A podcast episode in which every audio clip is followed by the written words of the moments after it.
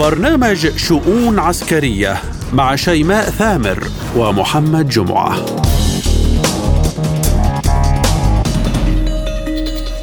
ملفات عسكرية وشؤون جديدة من وكالة سبوتنيك الإخبارية بموسكو. نقدمها لكم أنا شيماء ثامر. وأنا محمد جمعة نستهلها بالعناوين. أزمة أوكرانيا تستنزف المخزون العسكري الحربي وأوروبا أمام امتحان صعب.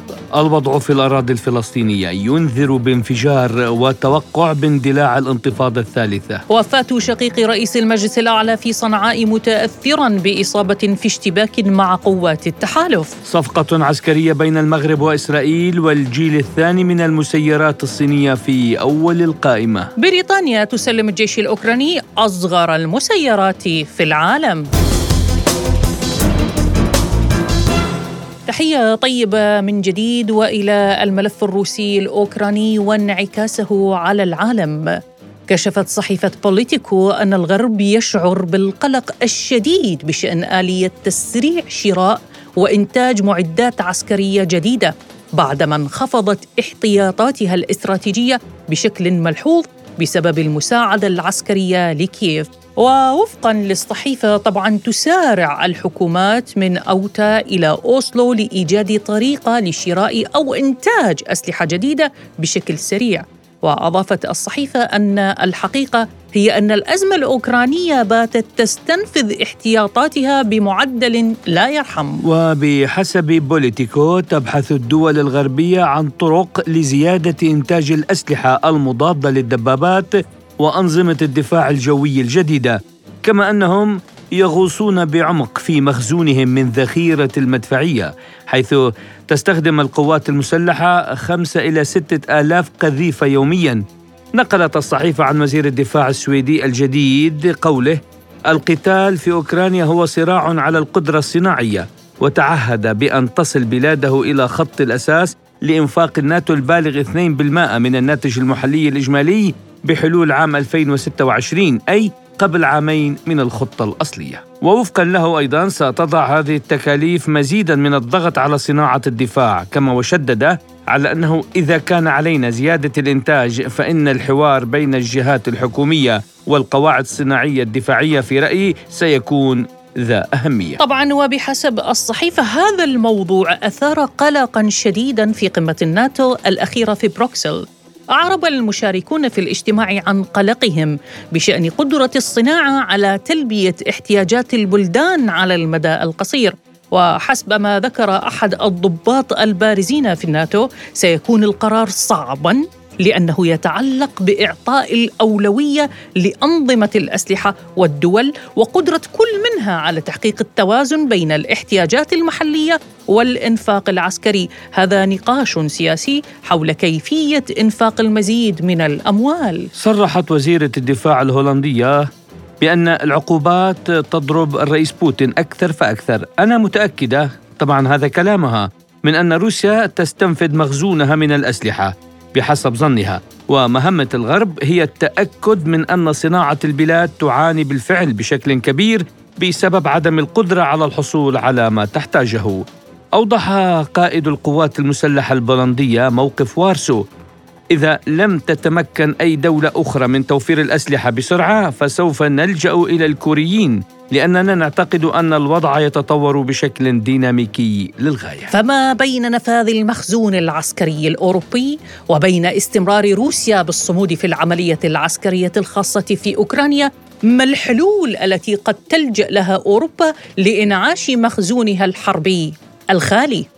للحديث عن كل ذلك ينضم معنا من سوريا الخبير العسكري العميد علي مقصود سيادة العميد مرحبا بكم بشؤون عسكرية وأشكرك على قبول الدعوة. أهلا بكم. بداية يعني سيادة العميد أوروبا تتأوه يعني المخزون الأوروبي ينفذ وأوروبا الآن بامتحان صعب.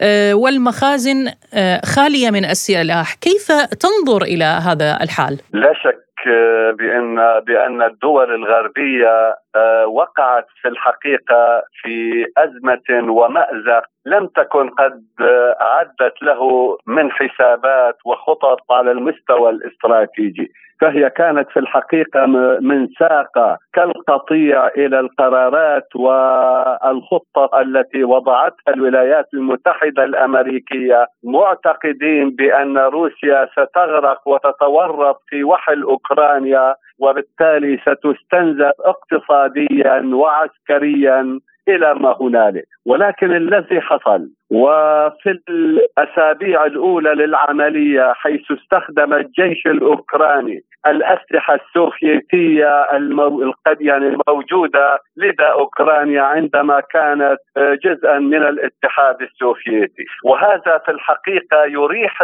الجندي الأوكراني لأنه تدرب وربي عقائديا على هذا السلاح. وعندما بدأت الهزائم وبدا التركيز من قبل الجيش الروسي باستهداف القدرات العسكرية إن كانت بحرية أو جوية أو برية وكانت فعلا هناك نسب عالية في التدمير لهذه القدرات القتالية. وبالتالي هذا شكل ضغطا على الدول الغربية التي دفعتها أمريكا لأن تفتح مستودعاتها واحتياطها الاستراتيجي وتبدأ بتقديمه إلى أوكرانيا. وهذا في الحقيقة حصل وكان هناك تقديم لأسلحة حتى متطورة باعتقادهم أنه سيغير المعادلة الميدانية عندما قدموا له صواريخ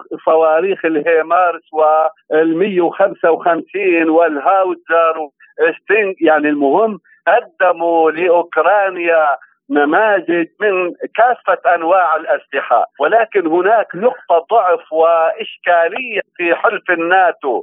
ما هي هذه نقطة الضعف التي تتحدث نعم عنها؟ آه، أتحدث أتحدث آه، الأسلحة الموجودة وخاصة ذخائر المدفعية والدبابات ليست واحدة المدفعية الفرنسية مدفع مدافع قيصر 122 أو 25 بينما بألمانيا 155 وهناك هاوتزر 220 يعني المهم الذخائر مختلفة و عندما كان القرار أن توزع الحصص على هذه الدول لتقديمها إلى أوكرانيا فلا يوجد إمكانية للاستعاضة عندما تدمر آه، وهي في وسائط النقل وخاصة روسيا في الحقيقة دمرت أكثر من 40% من هذه الأسلحة التي كانت تأتي إلى أوكرانيا وهي في وسائط النقل قبل أن تدخل الميدان.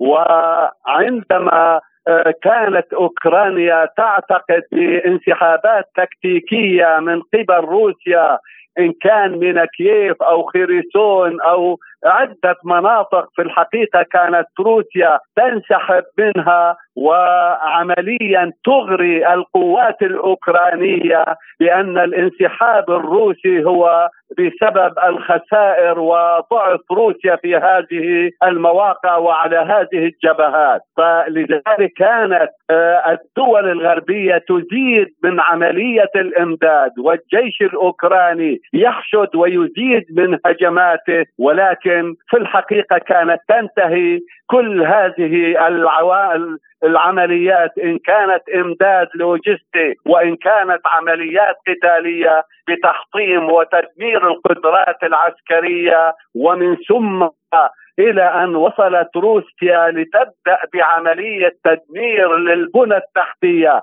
التي تجنبت تدميرها في المراحل الأولى نظرا لأن روسيا في الحقيقة تتعامل مع أوكرانيا كشخص سيادة العميد عفوا للمقاطعة. يعني مخزون الأسلحة الغربية الآن يتعرض للاستنزاف.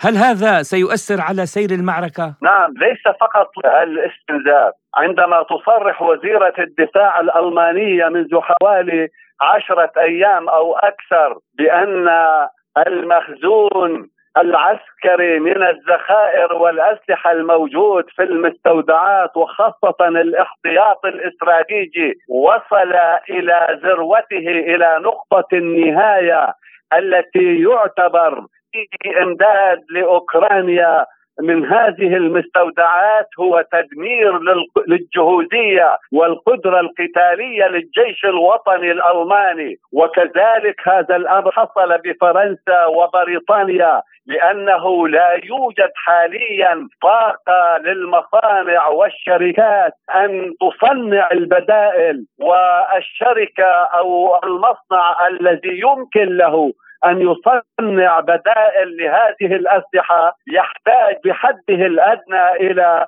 18 شهر كما قالت وزارة الدفاع الأمريكية عندما حذروا آه، البيت الأبيض القيادة الأمريكية من أن أمريكا لا تستطيع أن تفرط بأسلحتها وذخائرها وهي معرضة بأي لحظة لأن تخوض معارك وحروب مع إيران أو مع كوريا الشمالية. طيب اذا سيادة العميد يعني آه، هذا يطرح هنا السؤال اللي يتبادر إلى الأذهان يعني وهو سؤالي الأخير معكم.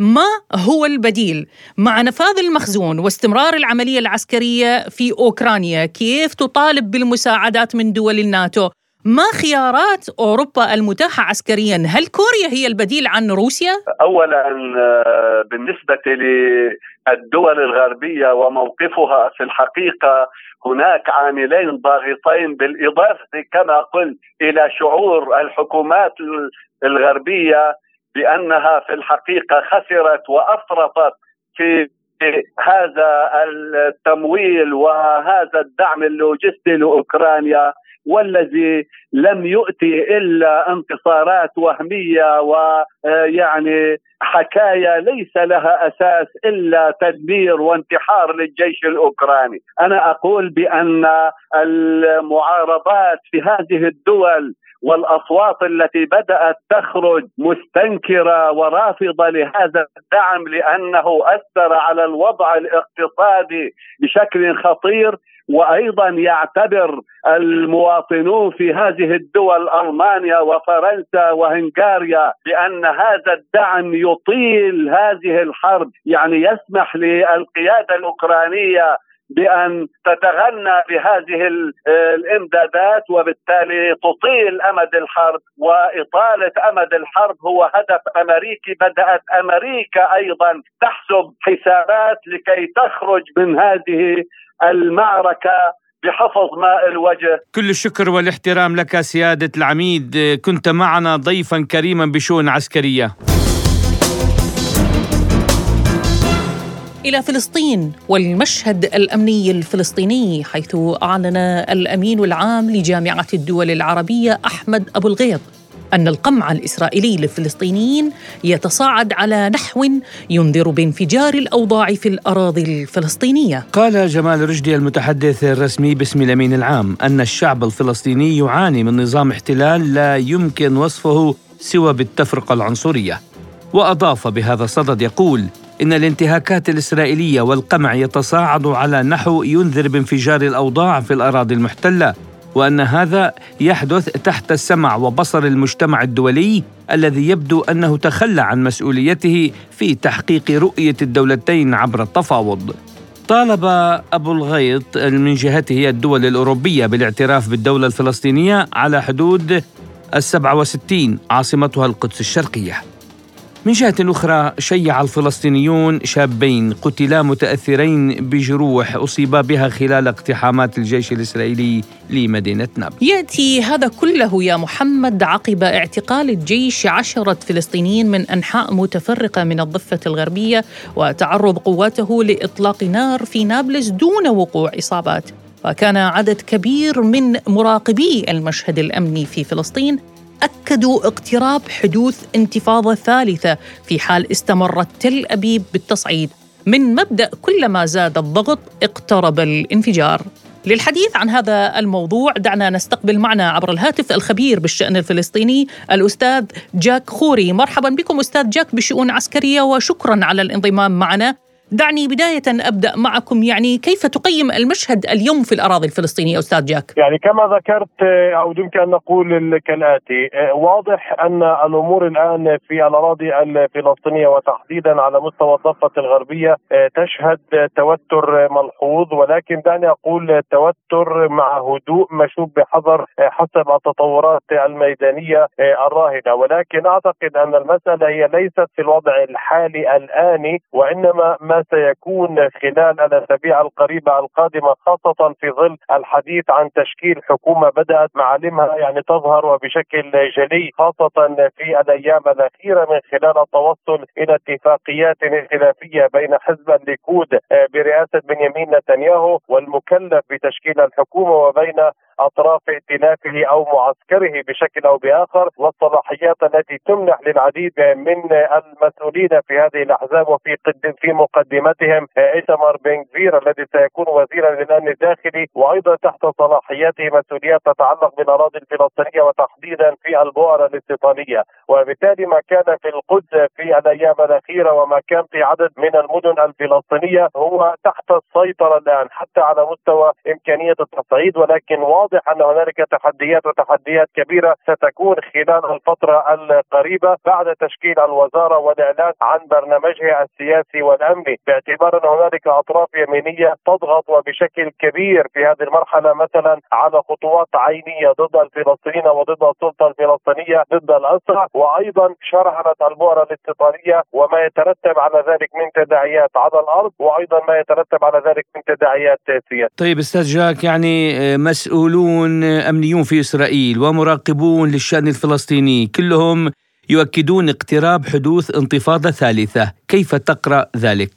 يعني استخدام عبارة انتفاضة ثالثة أعتقد هذه يعني كلمة واسعة. عندما نقول انتفاضة واضح أن الحديث مرتبط بهبة شعبية. دعني أستخدم عبارة متدحرجة ومنظمة. ولكن المشهد الآن في الأراضي الفلسطينية وتحديدا في الضفة مختلف تماما. إذا قارنا مع ما كان في أكتوبر 2000 في حينه كان نوع من القرار الفصائلي الفلسطيني بالتوجه نحو التصعيد هذا المشهد الآن غير موجود. نعم هنالك غضب شعبي نعم هنالك آه، تسليح لبعض المجموعات تحديدا في منطقة جنين ونابلس في شمال الضفة الغربية ولكن لا يوجد قرار استراتيجي آه، آه، فلسطيني بالمفهوم التوجه نحو التصعيد المباشر والانتفاضة. هنالك من يدعو إلى المقاومة الشعبية السلمية. هذا موقف معروف على نطوى السلطة الفلسطينية حتى من خلال الرئيس أبو مازن عدة مرات. ولكن هل نذهب إلى انتفاضة بمفهومها التقليدي؟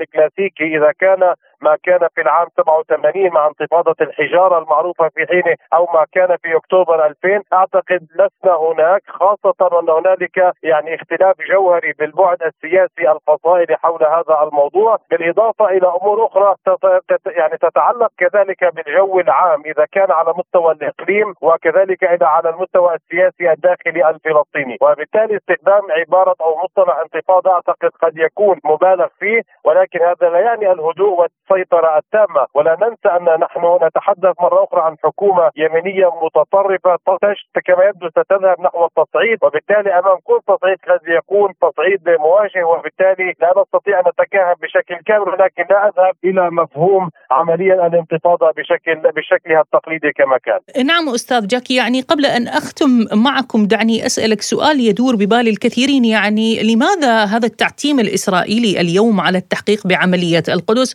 وإصرار تل أبيب على أن يبقى التحقيق سرا. يعني كيف تنظر إلى ذلك الأمر؟ أعتقد يعني اولا يعني كل عملية آه، آه، لها طابع أمني آه، عادة يكون هنالك استصدار أمر منع نشر على تفاصيل التحقيق. ولكن الاختلاف الجوهري هنا بهذه العملية مرتبط بأمرين أساسيين. اولا كون العملية في مدينة القدس وخاصة في غرب المدينة وهذا طبعا يحمل رسالة واضحة بأن الحديث ليس فقط في القدس الشرقية بأزقتها. ثانيا ثانيا امكانيه وشكل العملية التي كانت. بمعنى أدق آه، واضح انه الحديث عن أمر منظم مخطط تم الإعداد له بشكل مسبق هو بحاجة إلى استعدادات لوجستية وتنظيمية. وبالتالي لا نتحدث هنا عن عملية فردية كما كانت تسمى في السنوات الأخيرة إذا كان من خلال عمليات الطعن أو من خلال عمليات إطلاق النار التي كان يقوم بها عدد من الشبان الفلسطينيين الذين غير يعني مؤطرين بشكل رسمي في إطار الفصائل ولا ينتمون إلى هذه المجموعة أو تلك من خلال هنالك تنظيم هرمي يصدر الأوامر ويعطيهم التوجيهات أين ينفذ العملية، هنا المشهد واضح أنه مختلف تماما.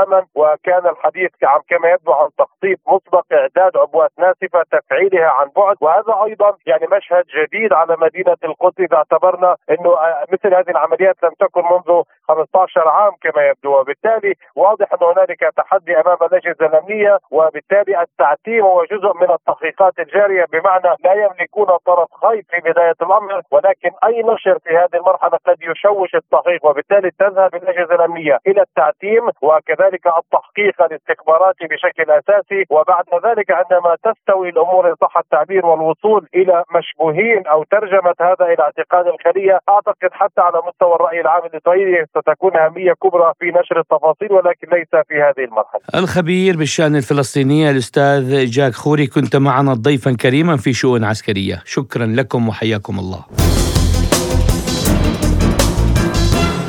من فلسطين إلى اليمن الذي لم يشهد الاستقرار الأمني منذ العديد من السنوات. تلقى رئيس المجلس السياسي الأعلى لجماعة أنصار الله مهدي محمد المشاط برقيات تعزية في وفاة شقيقه مصلح بعد معاناة مع المرض جراء إصابته بمواجهات مع قوات التحالف العربي. الأحداث في اليمن وبالأيام الماضية شهدت المزيد من التصعيد خاصة بعد هجوم أنصار الله على إحاطة مبعوث الأمم المتحدة.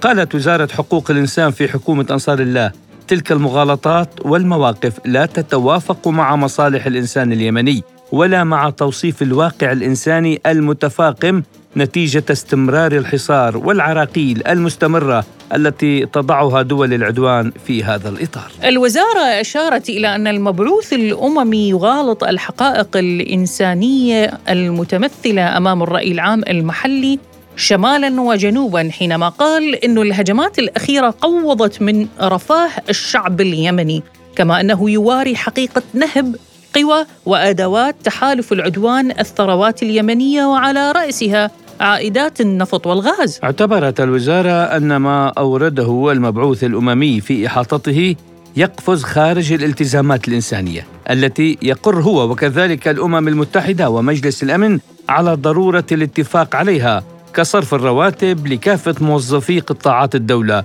واستمرار تدفق المشتقات النفطية إلى ميناء الحديدة وأيضا ابقاء الملف الإنساني خارج دائرة التسييس والصراع. ليبقى السؤال إلى أين يمضي المشهد في اليمن وهل سنشهد مزيدا من التصعيد؟ حول المشهد الأمني اليمني كان لنا حديث مطول مع الخبير بالشأن اليمني نبيل البكيري الذي تحدث لشؤون عسكرية قائلا. لا شك أن المشهد اليمني مشهد معقد وغامض وتمشي الأمور فيه دون ترتيب ودون رؤية وإدراك لمآلات ما ستولي إليه الأمور. يعني السياسة في اليمن كما توصف سياسة الرمال المتحركة التي لا يتنبأ بها أحد. وبالتالي يبقى المشهد مفتوح على كل الاحتمالات. لا ثمة سلام ولا ثمة حرب. هي حالة مراوحة بين آه، شيئين اثنين. لا سلام ولا حرب يعني. وبالتالي من الصعب أن نتنبأ ماذا ستكون عليه الأمور في آه، الأيام أو في هذه المرحلة. باعتبار أن الحرب أخذت مكانا أكبر والسلام أيضا مراوح في مكانه. لا يريد أن يأتي ولا يريد أن يذهب. حالة لا سلام لا حرب أما عن مجريات الهدنة في اليمن فتحدث البكيري قائلا من للأسف عندما نتحدث عن الهدنة نحن نتحدث عن آه، حالة هروب للأمام كما يقال أن الذين فشلوا في إيجاد تسوية حقيقية للحرب في اليمن هربوا إلى مسمى الهدنة، وهذه الهدنة للأسف ليس لها أي انعكاس إيجابي على حياة اليمنيين، لا على المستوى العسكري ولا على المستوى الأمني ولا الاقتصادي ولا المعيشي ولا الإنساني، وبالتالي من الصعب الحديث أن هناك هدنة هي مسمى هدنة لكن في على أرض الواقع لا أستطيع أن أسميها هدنة لأنه ليس لها أي انعكاسات إيجابية على آه، أمن وعلى استقرار وعلى على آه، معيشة المواطن اليمني الذي أنهكته الحرب طوال ثمان سنوات، وبالتالي لا يمكن أن نسمى أن نسمي ما يجري بانها هدنة في اليمن في هذه المرحلة.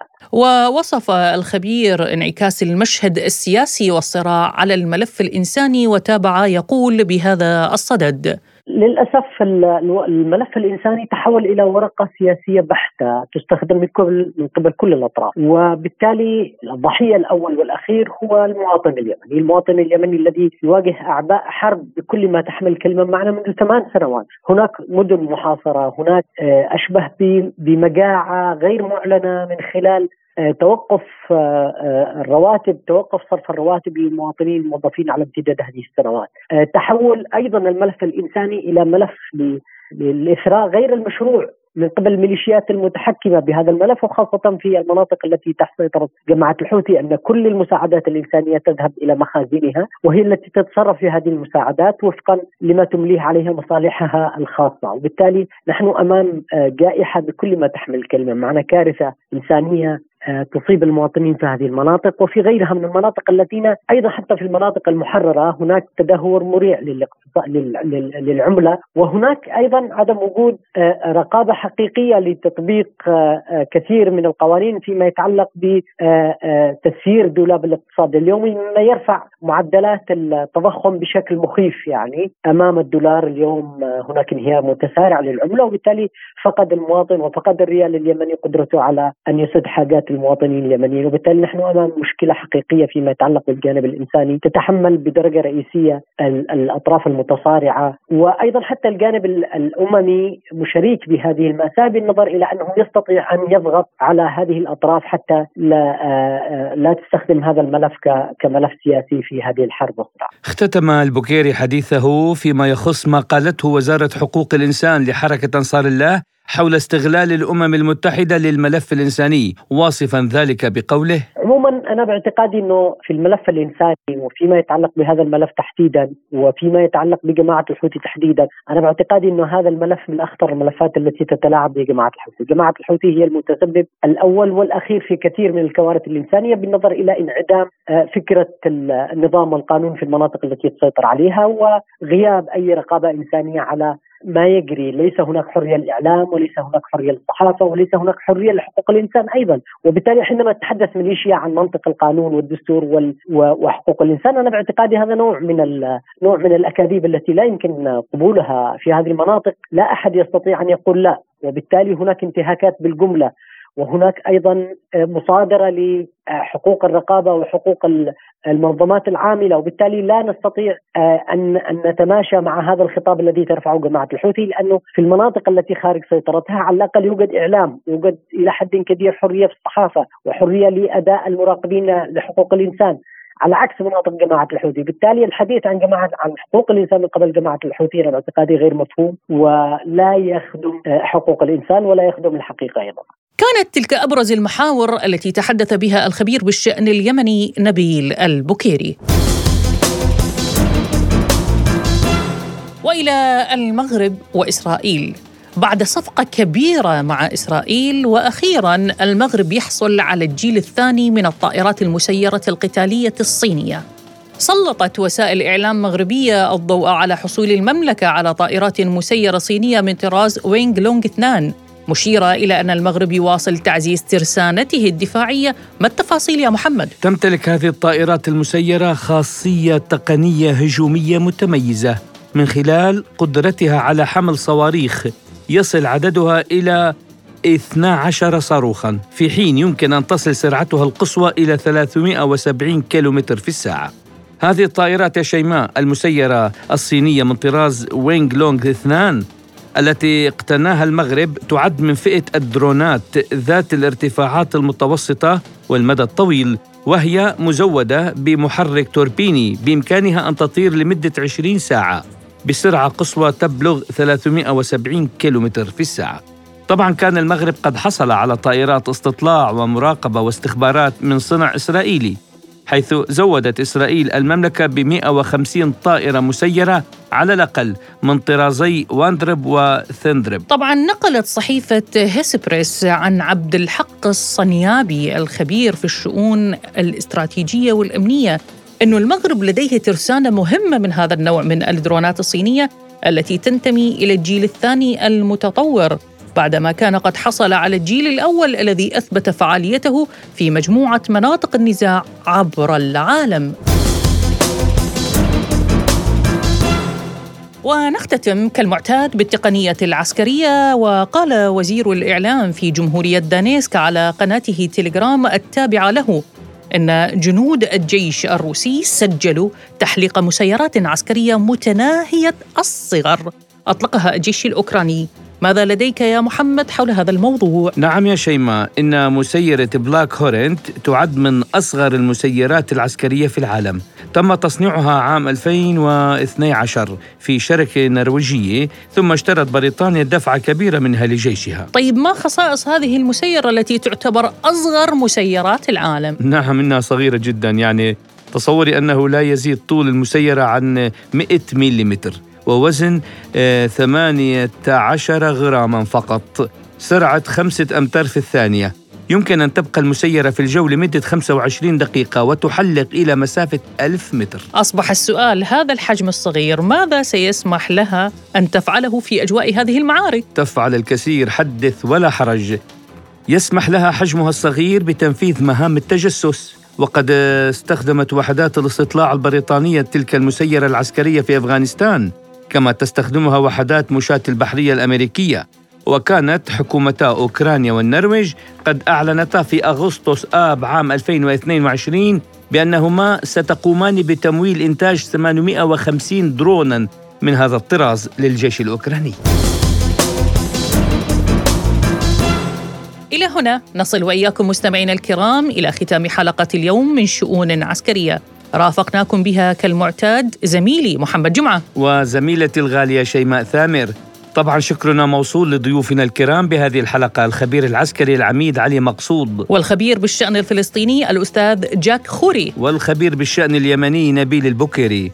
للمزيد يمكنكم زيارة موقعنا الإلكتروني. سبوتنيك dot AE. دمتم بأمان الله وحفظه.